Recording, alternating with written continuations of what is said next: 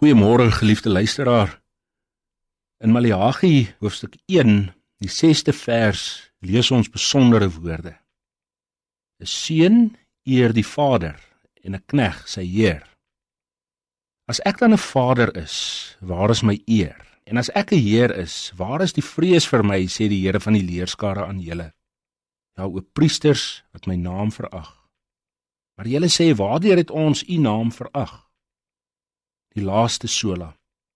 Soli Deo Gloria, aan God alleen die eer. Dit is die hoogtepunt waarmee ons hierdie reeks ook kan afsluit. Die vaste wete en die sekerheid maar God kry alle eer in ons lewe. Ja, dit bly die roeping van God se kinders om hom alle eer en lof toe te bring. Ja, God vra van sy kinders om hom te eer, nie om enigiets te verdien nie, maar juis op grond van die verbondsliefde wat hy aan ons geopenbaar het. Ja, hierdie liefde berus alleen maar op grond van genade, op grond van geloof van Christus wat in ons leef. Ja, dit is die hoogtepunt waarin hy sy liefde aan ons openbaar het, wat hy dit aan sy volk gewys het daardie vaste wete van Johannes 3 vers 16 want so lief het God die wêreld gehad dat hy sy enigste seun gegee het.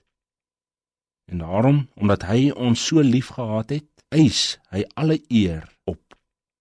Nou die volk en die priesters het in die tyd van Maleagi hom nie geëer nie.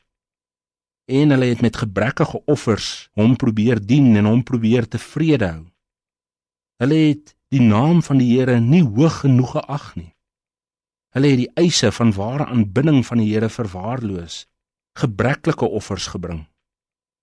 Hulle godsdiens was maar 'n dooie pligpleging. En dit is die vraag wat ons aan onsself moet stel. Neem die eer van God die regmatige plek in elke faset van ons lewe in.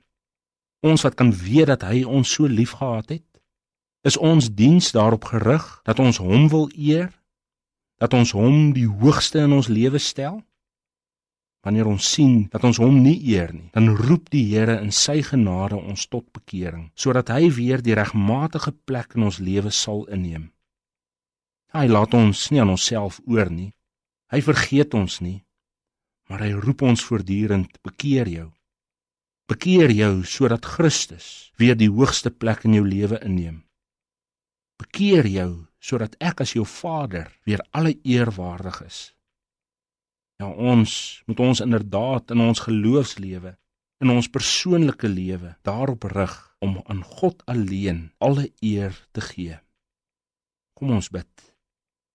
Ons hemelse Vader, ons dank U vir hierdie groot genade dat ons U kan eer op grond van die liefde wat U aan ons betoon het.